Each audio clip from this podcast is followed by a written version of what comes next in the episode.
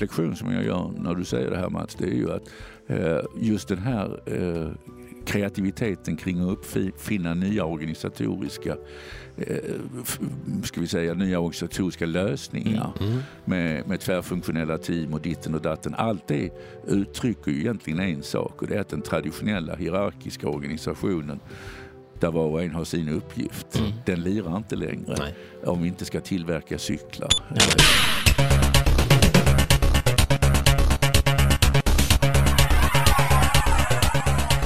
Välkommen till Framtidspodden Kjellander och Björk. Vi är på Techarenan på Berns i hjärtat av Stockholm. Vi sänder live i två dagar medan tävlingen om Nordens främsta startup och tillväxtbolag pågår. Techarenan är en plattform för innovation och entreprenörskap. Här träffas entreprenörer, ministrar, företagsledare, politiker och investerare för att prata om framtidens teknologier, export, hypertillväxt, varumärken, hur vi ska forma morgondagens hållbara samhälle. Eh, jag heter Andreas Kilander och jag har med mig eh, först eh, då Mats Björk. Mm. Men vi har också en till, förlåt, en till Mats med på, på podden idag. Mats Tyrstrup välkommen till podden. Tack så mycket. Jag tänker jag gör en, eh, liksom, en snygg inflygning, en intro av dig då, och så får vi se om jag träffar rätt.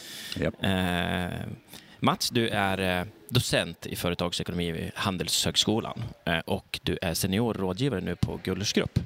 Och du har massor med mer där på eh, meritförteckningen, men eh, vi, vi gör en liten light-inflygning. Känns det bra? Den känns helt okej. Okay. Ja. har du en, en, en, bra morgon här? Jag har haft en jättebra morgon. Ja. Hör du, har du poddat förut? Ja, det har jag gjort vid några tillfällen. Ja, men då, eh, då har du koll på grejerna. Så det ska nog gå, det ska nog gå den här gången också. Du, idag, vi skulle vilja prata liksom väldigt mycket om ditt rika arbetsliv och de resultat du har kommit fram till och de tankar och idéer du har egentligen väldigt kopplat till eh, organisation och, och, kultur och kanske struktur i organisation. Känns det, känns det okej? Okay? Det känns som om jag vet lite om det, ja. För lite grann där då, Andreas, jag tittar på dig nu, det ser man inte på podden, men vi hamnar ju i organisations eh, organisationsförändringshinken hela tiden nu. Eh, Verkligen det är, eh, vad ska man säga, organisationerna nu, oavsett vart man befinner sig på Tellus, pretty much så ska man riggas för innovation. Man ska, det är någonting med internet har verkar tagit sig, digitalisering, det är hållbarhetsanpassning och sådana saker. Eh, I det här sällan ska jag säga skådat fokus som det ja. verkligen är nu på just liksom organisationsutveckling. Det känns ju som att det du har spenderat ditt yrkesliv på så här långt, liksom, det är någon form av crescendo nu. Tänker, tänker vi rätt? ja, eh, absolut. Um, och du räknar upp en del eh, trender och uh, händelseutvecklingar som mm. ju absolut påverkar hur vi organiserar oss. Men det som jag brukar lyfta fram som den kanske mest fundamentala eh, förändringen eller omställningen, det är ju att vi, vi går ifrån ett samhälle där värde skapades genom att göra saker, tillverka saker. Mm. Till ett samhälle där värde skapas genom våra beteenden. Eller värden förstörs genom mm. våra beteenden. Absolut. Eh, och den, den eh, eh, har man med sig den ingången då blir det genast knepigare att organisera saker. Mm. Men om man har fullt buy-in på den förflyttningen som är en ganska stor förflyttning rent kulturellt då kanske man också har det lättare att organisera om sig eh, eh, så här som grupp? Ja, det, det, det, tror man gärna att... Men alltså problemet är att allt det vi har lärt oss och utvecklat mm. och, och skapat kring det vi kan kalla för management. Ja. Sätt att organisera och leda verksamheter det är optimalt om vi ska tillverka cyklar. Mm. Det är förödande om vi ska ta hand om äldre sköra människor. Eh, och vi ser med all önskvärd tydlighet idag att när hela världen byter beteenden sitter hemma, tvättar händerna och, och eh, möjligen är på Teams och mm. nätet och handlar. Så ser man ju att stora värden förstörs. Mm. Eh, jag åkte med en taxichaufför hit idag. Han sa det är katastrof. Mm. Andra går sky high alltså. Till och mm. med Postnord måste, måste anställa folk. Va? Ja. Så logistik är stort. Mm. Mm. Taxi är en katastrof. Mm. bara för att vi har förändrat våra beteenden. Just det, Hy med hyperhastighet på något sätt också. Med, den här gången med hyperhastighet. Ja. Mm. Kan, man, kan man, om för en liten inflygning där, och tänker jag är nyfiken på ditt, ditt liksom intresse för det här, hur, kring liksom organisation och det, den liksom forskning som du har. Hur, hur började det? Hur, liksom, hur kom du in på det här? Ja, alltså från början var det väl att jag var intresserad av eh, om man ska vara riktigt ärlig så var jag intresserad av chefers arbete och det berodde på att jag insåg när jag gick på Handels att jag hade absolut inte det som krävdes för att vara chef. så då började, jag, då började jag forska först kring chefers arbete och så småningom kom jag då in på eh, komplexa organisationer och eh, verksamhetsutveckling och liknande. Eh, och då insåg jag ju snabbt att här fanns väldigt mycket att göra mm. som är fullständigt avgörande för framtiden. När vi kommer att leva i ett samhälle där, där eh, det är våra beteenden som vi skapar världen med eller förstör världen med. Mm. Så där då. Eh, jag tänker jag ska langa en fråga som vi säkert skulle kunna bryta i. Det finns nog ingen stopp på hur långt vi kan gå in i det här. Men eh, tillbaks till den här produktionen av, av cyklar och ting till eh, eh produktionen av värde som är ett, ett jättehopp i mindset och kultur. Eh, hur reflekterar det ledarskapet? Vad är skillnaden på ledare i det här gamla industriella paradigmet och det här nya digitala hållbara om man så vill? Alltså enkelt uttryckt kan man ju säga att eh, ju mer världen handlar om beteende, mm. desto viktigare blir vad man kan kalla för horisontell koordinering. Mm. Särskilt över gränser.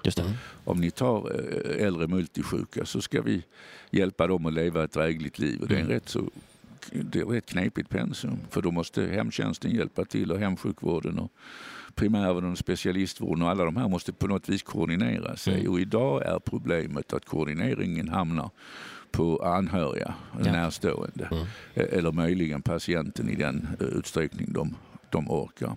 Eh, och det betyder att det som är en av de stora frågorna i min forskning nu det är vad är alternativet till hierarki mm. mm. för att samordna verksamhet. Mm. Och då kan man säga, för, för att svara på din fråga Mats, att, att eh, om vi säger då den traditionella chefsrollen det finns ju massor med sådana här, ska vi säga, metaforer som man mm. använder för att illustrera.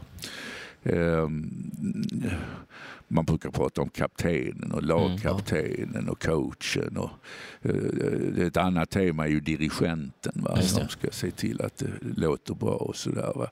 Uh, det finns regissören, är ett annat sånt där uttryck. Va. Generalen brukar man ibland mm. prata om. Alla de här bygger på en sak och det är att det finns en fundamental hierarki ja. att falla tillbaka på. Mm. Om vi då inte har den, Nej. utan vi ska samordna oss över olika verksamheter till en, en gemensam insats. Mm. Eh, ja, då har jag väl funderat på om man vill hitta en metafor för det också så är mitt förslag diplomaten. Mm. Eh, som en sorts idé om vad är ledarskap när vi måste agera inte över enheter utan mellan mm. olika enheter. Jag tänker också nu då i organisatoriska enheter är ju en sak och där jag vet att du pratar om någonting som heter organisatoriska mellanrum så ja, vi ska komma in på här också men, men vad gäller eh, liksom, gränsöverskridande samarbeten mellan andra, liksom, mellan organisationer och mellan, liksom, mellan startups och politik mm. och mellan liksom, industri och, och, och liksom, eh, hur, hur hur ska vi, hur ska vi få, till, få till det? Kan det vara liksom, eh, organisatoriska mellanrum även däremellan? Det kan det absolut vara och det finns det i allra högsta grad. Och eh, den plats, den miljö vi befinner oss i idag och det sammanhang mm. eh, med, den här, eh, med den här mässan eh, är ju eh, ett, ett väldigt bra exempel på någonting som är fullständigt avgörande idag. Mm. Och det är det jag brukar kalla systemkunskap. Det vill säga att man förstår vilken, vilket system är jag en del av. Mm, och så kan man vara investerare eller man kan vara konsult eller verksamhetsutvecklare eller entreprenör eller, eller vad det nu kan vara för någonting. Eh, och det där brister eh, och det betyder att det är väldigt mycket som skulle kunna göras mm.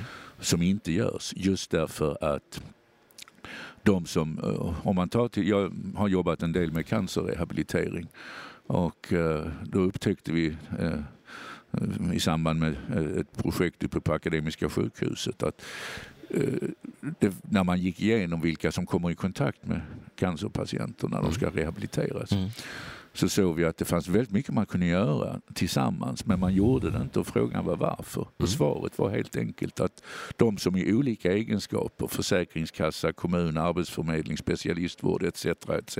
Mm hade ingen aning om vad de andra gjorde yes. för de här patienterna. Precis. Och då behöver man allmänbilda sig. Då behöver vi systemkunskap. Att arbetsförmedlarna sätter sig in i vad gör de andra. Mm att de på Försäkringskassan sätter sig in i vad gör de andra. Och det är eh, naturligtvis ett skäl till att vi har så mycket event. Mm. Människor måste träffa varandra, mm. lära känna varandra, yes. förstå.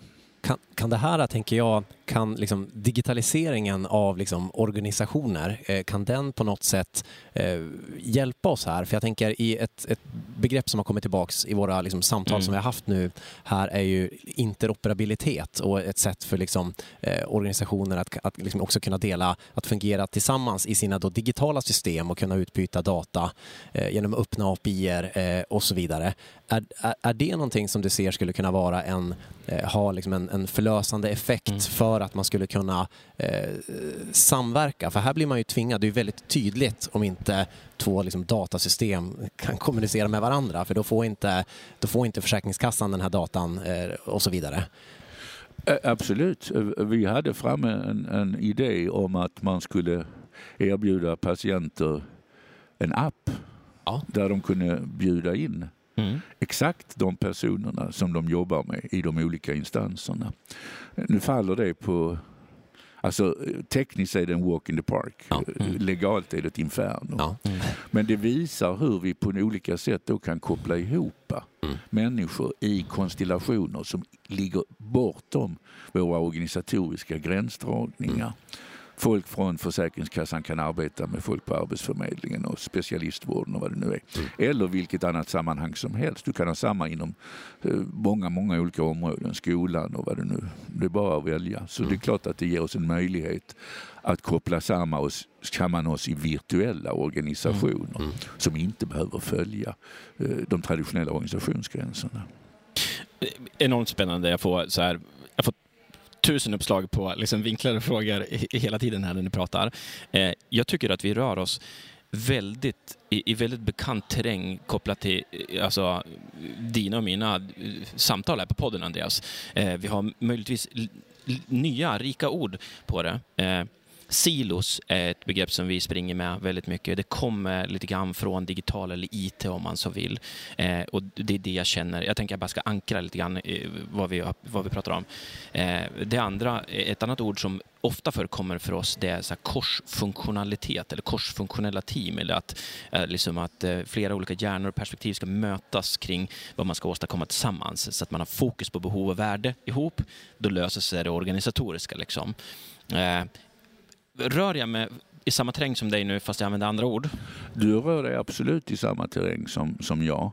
Och en reflektion som jag gör när du säger det här Mats, det är ju att eh, just den här eh, kreativiteten kring att uppfinna nya organisatoriska eh, ska vi säga, nya organisatoriska lösningar mm. mm. med, med tvärfunktionella team och ditten och datten. Allt det uttrycker ju egentligen en sak och det är att den traditionella hierarkiska organisationen där var och en har sin uppgift. Mm. Den lirar inte längre Nej. om vi inte ska tillverka cyklar. Ja. Eh, kan, kan, det vara där då? Jag tänker, för det, det, är också på något vis eh, förutbestämt nu att, att vi ska bli bättre på det här. Om det vore, nu bara måla upp en annan bild, mm. att det vore en värld här där vi inte hade de här förväntningarna på organisationerna. För det är, det är de vi har som vi försöker också leverera på i de här liksom, organisatoriska förändringarna. Att vi har, eh, ja, men många bolagen här har ju någon form att de ska leverera med liksom 10 procent av resurserna som, som deras närmaste liksom, konkurrent har ska de leverera liksom, 1000 procent liksom, output mm. på, liksom, uteffekt på den delen.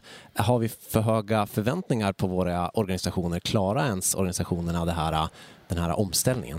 Ja, alltså du, kan inte, du kan inte betrakta organisationer som en homogen grupp. Eh, i det här sammanhanget. Det finns vissa saker där vi har...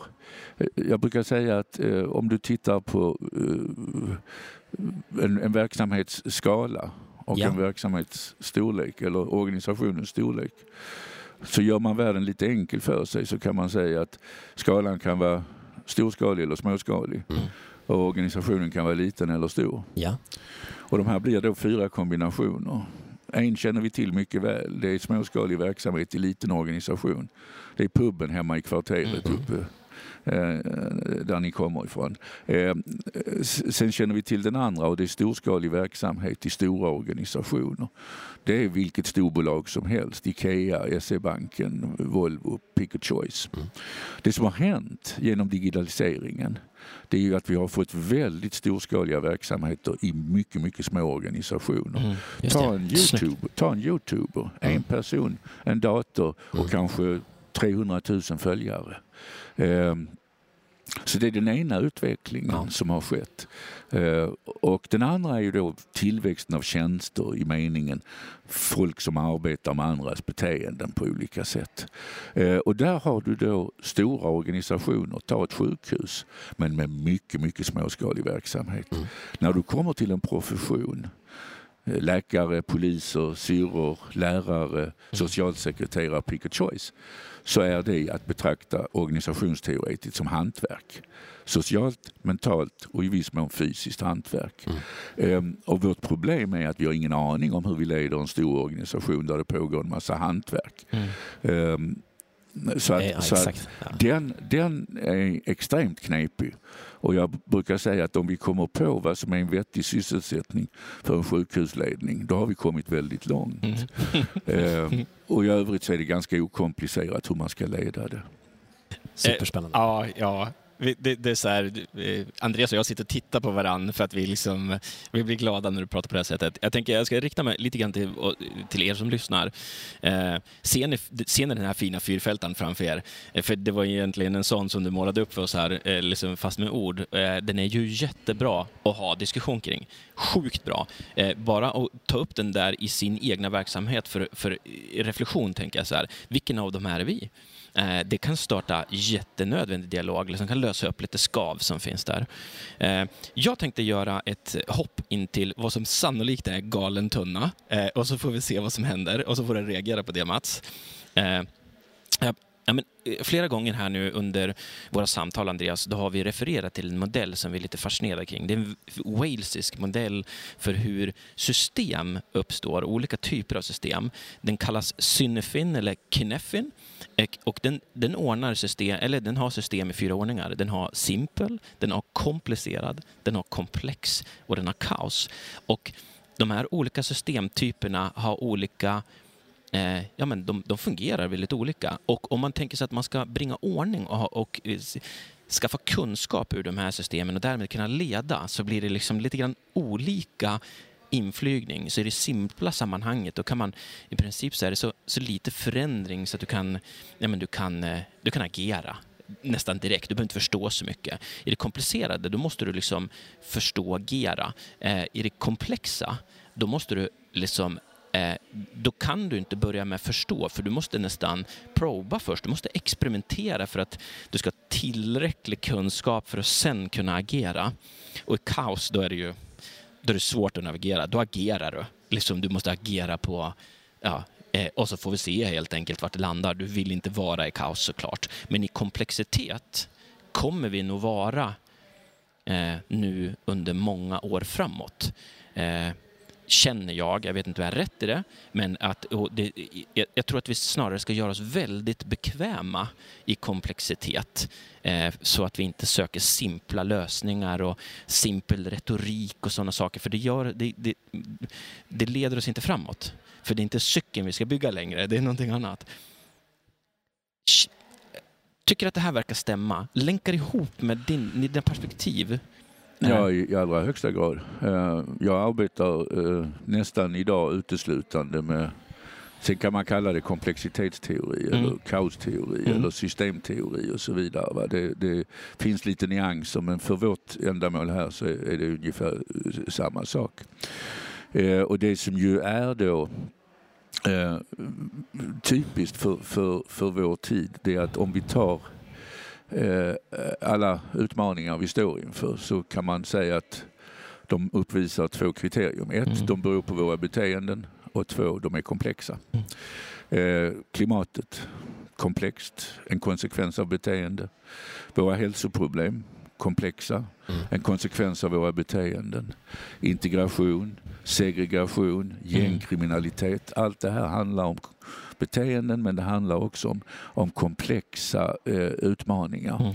Mm. Eh, och då kan man säga att ett sätt att definiera komplex det är ju just att vi behöver, vi kan inte klara det med traditionell linjär organisering. Nej.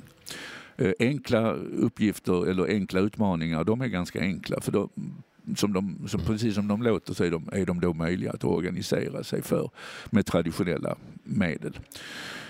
En distinktion som kan vara värd att göra det är ju att det komplicerade, om vi tar det systemteoretiskt, mm. så är ju skillnaden mellan komplex och komplicerad det är att det komplicerade, där känner vi till ganska mycket om orsakssambanden. Mm. Komplext, där har vi ingen aning. Nej. Jag brukar säga att en, en, en Boeing 787 Dreamliner är, är väldigt komplicerad men tack och lov uppträder den på ett rimligt förutsägbart mm. sätt. Det vill säga vi förstår hur den fungerar. Eh, behandling av äldre multisjuka. Plötsligt så slutar en, en, en eh, medicin de står på att fungera och vi har mm. ingen aning om varför. Och så får vi prova oss, prova oss framåt. Och det betyder då att komplexa utmaningar de kräver nästan alltid samverkan av minst två, ofta flera olika aktörer. Yes. Yes. Om du tar gängkriminaliteten så är det ju ingenting. Alltså polisen kan åka in och, och göra någon sån här rimfrostaktion mm. och plocka på sig en massa vapen och häkta folk. Mm. Eh, och så fort de är ute igen så är ju det igång igen. Mm. För det, det, är en mycket, mycket komplex process att försöka komma till rätta med det. Och där har du ju då skolan, socialtjänsten, sannolikt den lokala företagarföreningen, eh, föreningslivet, eh, kanske kyrkan, vad vet jag, religionen. Mm. Eh, och då, då, då blir det genast, så, så, att det vi kommer att behöva lära oss det är governance mm. i komplexa miljöer där vi ska ta oss an komplexa frågor.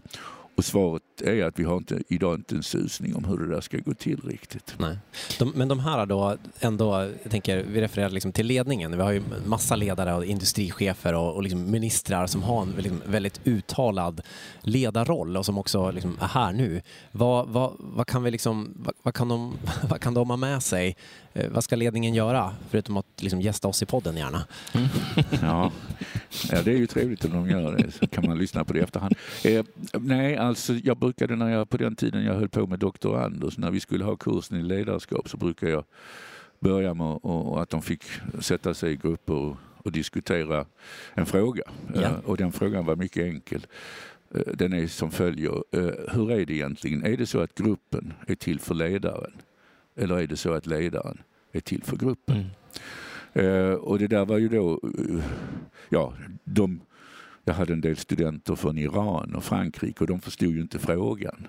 Av det enkla skälet att tanken att, gruppen, att ledaren skulle vara till för gruppen är ju absurd i, i, i vissa kulturer. Men det speglar ändå är det, och då kan man säga att det vi kallar management och det här med hierarki och traditionell organisering, mm. Där är ju idén att gruppen är till för ledaren. Det vill säga en centralstyrning. Mm. Några få ska tala om vad väldigt många ska göra. Och det är fullt möjligt om vi tillverkar cyklar. Uh, om vi leder ett sjukhus så är det extremt svårt för sjukhusledningen att tala om. För det första så kan man ju säga att det som är utmärkande för en profession det är att stora delar av arbetsledningen ligger i professionen. En kirurg behöver ju inte fråga sjukhusdirektören hur man ska lägga snittet eh, eh, och så vidare. Så att, så att vi är på väg att röra oss, tror jag, in i en miljö där ledaren är till för gruppen i mycket högre utsträckning mm. än, än det har varit. Och det är ett helt nytt sätt att se på ledarskap. Då kanske man måste eh, börja tänka på vad kan jag hjälpa till med för här då? Hur, hur kan jag skapa förutsättningar för er? Det betyder att ledarskapet måste komma ut i verksamheten och gärna träffa andra som den här verksamheten har anledning att arbeta med. Så, så chefer inom polisen borde träffa chefer inom socialtjänsten och inom skolan och så vidare. Just för att få den här systemkunskapen. Um, och plus det här också då att mycket av arbetet kommer att ske, ledarskapet kommer att utövas inte över utan mellan mm. olika enheter, mellan olika professioner, mellan olika specialister, vad det nu är. Där passar ju bara som en referens tillbaks diplomaten in, för jag mm. tänker de här då, vi, man får googla organisatoriska mellanrum tror jag, mm. så kan man titta på den. Men jag tänker också just mellan, eh, liksom, metaforiskt kan man ju låna in den och även konkret på liksom olika delar i samhället. Jag tänker även de här mellanrummen som vi har liksom mellan nationer mm. nu, där liksom diplomaten verkligen kommer till sin rätt, tänker mm. jag. Bara en reflektion av det, det du säger där. Så ja, det är verkligen absolut, jättespännande. Absolut, absolut. Och det är ju det här att vi går från en vertikal till en horisontell värld. Eh, i, på olika sätt. Och inte minst IT är ju en möjliggörare mm. i det sammanhanget. Jag blir väldigt glad när jag hör, framförallt så är det kul att få nya ord och begrepp och metaforer på saker som man känner att man är lite grann nära. Eh, jag vill fortsätta nörda lite systemteorier. Eh, en, en nördning till och så, och, och så får du reagera Mats. Corona, eh, spännande, konstig vår, covid-19, eh, har ju liksom drivit snabbt nya beteenden. Om vi tittar på hur det har slagit olika organisationer så ska man ju... Alltså en bild av det, det är att vi har ju eh, tvingats att arbeta hemma i någon utsträckning. Här finns det någonting spännande tycker jag. Eh, om vi pratar om eh, det vertikala ledarskapet och det centraliserade ledarskapet så har man ju tvingats ut i decentralisering och kanske till och med ut till distribution om du är med på tre states där. Eh, vad, eh, så är vägen fram, den här diplomaten, eh, det diplomatiska ledarskapet, det stöttande ledarskapet som jag tycker att du pratar mycket om, eh, den, den har, så om vi tänker oss en distribuerad organisation, vi har inget nav. Eh, värde uppstår av allas initiativ och ansvar. Hur, passar diplomaten? Är det där diplomaten ska röra sig? Är det dit vi ska? Eller är liksom, om vi tänker att eh, är målbilden en decentralisering så att vi har liksom hubbar av aktiviteter då, eh, men inte något jättestarkt nav? Vilken, vilken målbild bör vi ha av de där tre? Ja, det där, det där är en mycket intressant, en extremt intressant fråga för det, det, det går ju tillbaka på, ska vi säga de grundläggande strukturella lösningarna mm. om, vi, om vi kommer att ha det. Eh, jag tror att ehm, jag tror att en, en rörelseriktning här är ju att vi ett annat sätt att beskriva det om jag säger så istället kanske, det är ju att vi går, kommer att gå ifrån att ha en sorts permanenta organisationer till mm. att ha temporära mm. Mm. organisationer. Det vill säga där vi, där vi identifierar sakfrågor som vi behöver ta itu med. Och så gäller det då att temporärt organisera sig för det. Eh, jag håller själv på just nu och tillsammans med en kollega som heter Jonas Törnblom utvecklar eh, vad vi då hoppas kunna sjösätta, nämligen Stockholm Center of Governance. Mm. Där vi ska arbeta oortodoxt med oortodoxa lösningar på governance-problem.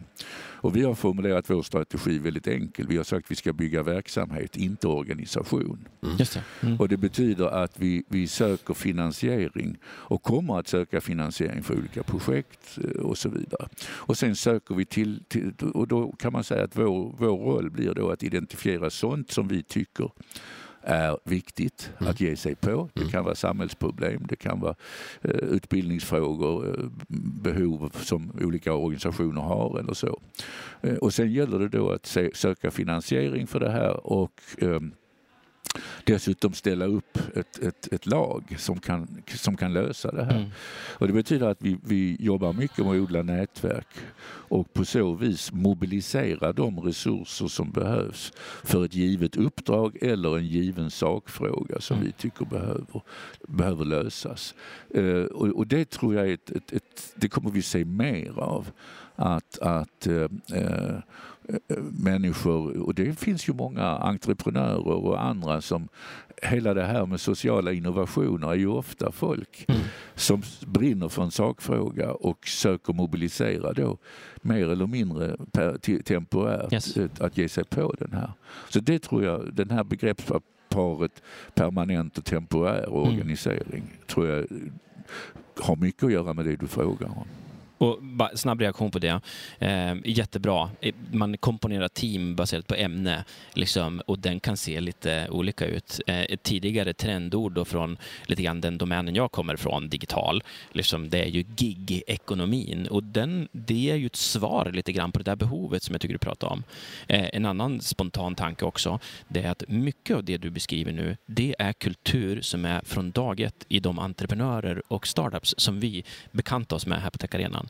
Så det finns ju oerhört mycket att lära, tänker jag, om man är en äldre organisation, om man känner transformationsbehovet, att faktiskt komma hit, betrakta, förstå, föra dialog. Eh, håller du med? Mm, absolut, absolut. Och det, det, det, eh, det är som man, eh, det finns ett begrepp som kallas institutionalisering. Mm. Och det, det begreppet är att när man har hållit på tillräckligt länge mm Eh, i en verksamhet eh, och har kanske några decennier av verksamhet bakom sig eh, väldigt ofta så, så, så ser, funderar vi över frågan oj den här marknaden växer inte längre, vad ska vi göra istället? Ja, ett bra alternativ är ju att lägga ner. Mm. Uh, och sen mm. satsa resurserna någon annanstans. Ja. Mm. Eller ge sig in i nya projekt. Mm. Uh, men vi är väldigt i det här att i, i, mm. in i det sista försöka mm. rädda organisationer. Bevara. Uh, och bevara ja. dem. Och har vi en stor organisation och vi inte har någon uppgift längre, då söker vi med ljus och lykta mm. efter en uppgift. Istället, varför, ja. istället för att montera ner och säga att okej, okay, nu var vi klara med det här, uppgiften är borta. Nu tar vi, plockar vi bort organisationen. Och där tror jag det ligger på det som du säger Mats eh, och även du Andreas har varit inne på också tidigare. Det här att, att lära av de här miljöerna där det händer mycket nytt innovativt. Mm. Eh, den kanske viktiga, en, en viktig fråga är hur ska vi förhindra att de här nya organisationerna institutionaliseras ja. och blir stora, tröga som börjar söka sin uppgift mm. istället. Mm. Ja, ja, jättesnabb reaktion. Jag tycker vi är inne och touchar på det här. Alltså vi, var, vi utmanade Hannes Sjöblad när vi pratade. Eh, vi sa egentligen så här att det, vi ser ingenting i evolutionen som pekar på att bevarande är relevant. Man får, man får liksom bli omvald av evolutionen varje dag och så, bro, bro, och, så, och så fightades vi lite grann om krokodiler, att deras bodyplan hade ju faktiskt eh, fungerat nu väldigt länge. Men, men det är ju lite grann så Eh, ett av de största... Eh, eh, allting i vår psykologi är lite så här riggat åt institutionalisering, känner jag. För att man, man bygger ju... Det finns en psykologi som sunken cost. ja, men det finns att man fortsätter att investera i den riktning som man har lagt väldigt mycket värden. Det är, bara, det är inbyggt i oss. Så det är en jätte, jätte jobbig självreflektion och inse att shit, min organisation är slut. Det är ju sorg. Alltså, absolut, mm. absolut. Det är, det är en, av, en av de... Eh, eh, och, och då kan man ju egentligen säga så här att eh, är det inte bättre med en organiserad avveckling mm. Mm. än en konkurs? Mm. Egentligen. Och kanske skulle vi behöva Eh, jag tänker på nu, det finns ju lagstiftning som ska stödja folk som har gått i konkurs i meningen anställda kan få lön och så vidare. Mm. Men man kanske också skulle ta ett progressivt steg när det gäller eh, eh, lagstiftningen kring, kring eh, företag och liknande. Där man helt enkelt, av, precis som du erbjuder Almis uppstartsstöd och mm. uppstartspengar, mm kanske man också skulle säga att vi erbjuder avvecklingspengar ja. Eh, för att sen kunna använda de resurserna mm. på ett annat sätt, på ett annat ställe. Mm. Och då kommer vi också, tror jag, att kunna att, att ekonomin som sådan kommer att behöva bli bättre på det här att allokera om mm. resurser med andra medel än konkurser mm. så att säga. Ja, jag tror sån lätt fälla att fastna i där, att det som har gjort oss framgångsrika är liksom, då tar man det som ett bevis på att det är också det som kommer att göra oss liksom framgångsrik framöver. Mm. Men det är så de här liksom, storbankerna disruptas av nya liksom, mm. fintechbolag som gör det på, på andra sätt helt enkelt. Eh, vi ska släppa dig vidare. Mm. Vi har två stycken frågor som vi har eh, ställt till våra gäster här eh, som har fått samma fråga. Och den första av dem är, vi har varit inne lite på det här, eh, mm. så vi ser hur du skär den här. Men, eh, vilken är den viktigaste, eller vad är det viktigaste problemet som du tycker att entreprenörskapet ska lösa i det här decenniet? Oj, det var, en, det var en väldigt svår fråga. Alltså det jag, det jag tror eh, är det viktigt. Alltså det finns hur många utmaningar som mm. helst. Men, men jag skulle vilja säga då, om jag ska svara e, en sak på det där, så tror jag att det är framför allt eh, sociala innovationer. Mm. Och då kan jag tänka mig att man kan mycket väl göra en annan typ av innovation. Men du ser den sociala aspekten på det. det. Och då har vi hur många utmaningar som helst. Mm. Så det, det, kan man göra någonting, till exempel med IT, vad det gäller integration eller segregation eller, eller så. Mm. Så, så, så, tror jag att eh, det vore väldigt bra. Och jag är optimist därför att jag tycker många av de här de är ju ofta unga entreprenörer, mm. de här som sätter igång. Och många av dem har ju en sorts, de är ju drivna av värderingar. Mm, verkligen. värdedrivna. Verkligen. Eh, och det, det, eh, det, tror jag vi kan sätta stort hopp till och det är den verkliga utmaningen för, för, för eh, eh framförallt kanske yngre entreprenörer att ha en social dimension på, mm. på det du gör. Mm, jättebra. Vi fick en bara snabb respons där. Eh, vi fick en jättesnärtig och spetsigt svar igår eh, på så här, business without purpose är ett virus. Fick vi liksom så här, just för liksom, ja, och, den, ja. och, den positiva spinnen det är så här, vi håller ju på att gå in i ett värderingsdrivet, på riktigt samhälle känns det som. Eh, det är det jag tar från dig här nu också när du pratar. Ja, mm. precis. Mm. Va? Och det beror ju på att uh, värdering, eller förlåt, beteenden är mm. ju inte oberoende av attityder och värderingar Nej. och så vidare. Hur vi beter oss har att göra med vilka värderingar vi har. Om mm. vi köper och slänger eller om vi mm. återanvänder eller källsorterar lever. Mm. Det är beteenden och de är förankrade i vissa värderingar. Så purpose är, är viktigt. En, eh, en sista fråga som alla på podden här har fått. Eh, ett samtal som inte Andreas och jag vill någonsin ta slut, slut jag. jag tror vi skulle vilja fortsätta borra här, men du ska få chansen att gå vidare. Men inte förrän du har svarat på det här Mats. 150 gånger typ kanske vi har ställt den här frågan och har fått magiska svar. Ingen press nu då. Nej, okej. Okay. Jättebra. Shoot. Hur stor är digitaliseringen? Ja, alltså digitaliseringen är, är ju naturligtvis eh, genomgripande för, för hela vårt samhälle. Eh, I kaliber med eh, tryckpressen och ångmaskinen. Mm. Eh, det, jag, det jag tror möjligen att vi, vi ibland har en tendens att se digitaliseringen som en lite isolerad process. Jag brukar säga att den fysiska digitaliseringen förminskar inte betydelsen av fysiska platser. Mm. Den bara förändrar deras innebörd och deras, mm. deras betydelse. Och samma sak med, med, med sociala sammanhang. Eh, det digitala möjliggör att vi kan ha möten i Tokyo på morgonen och mm. i New York på eftermiddagen och, slippa flyga och, och, och skräpa ner.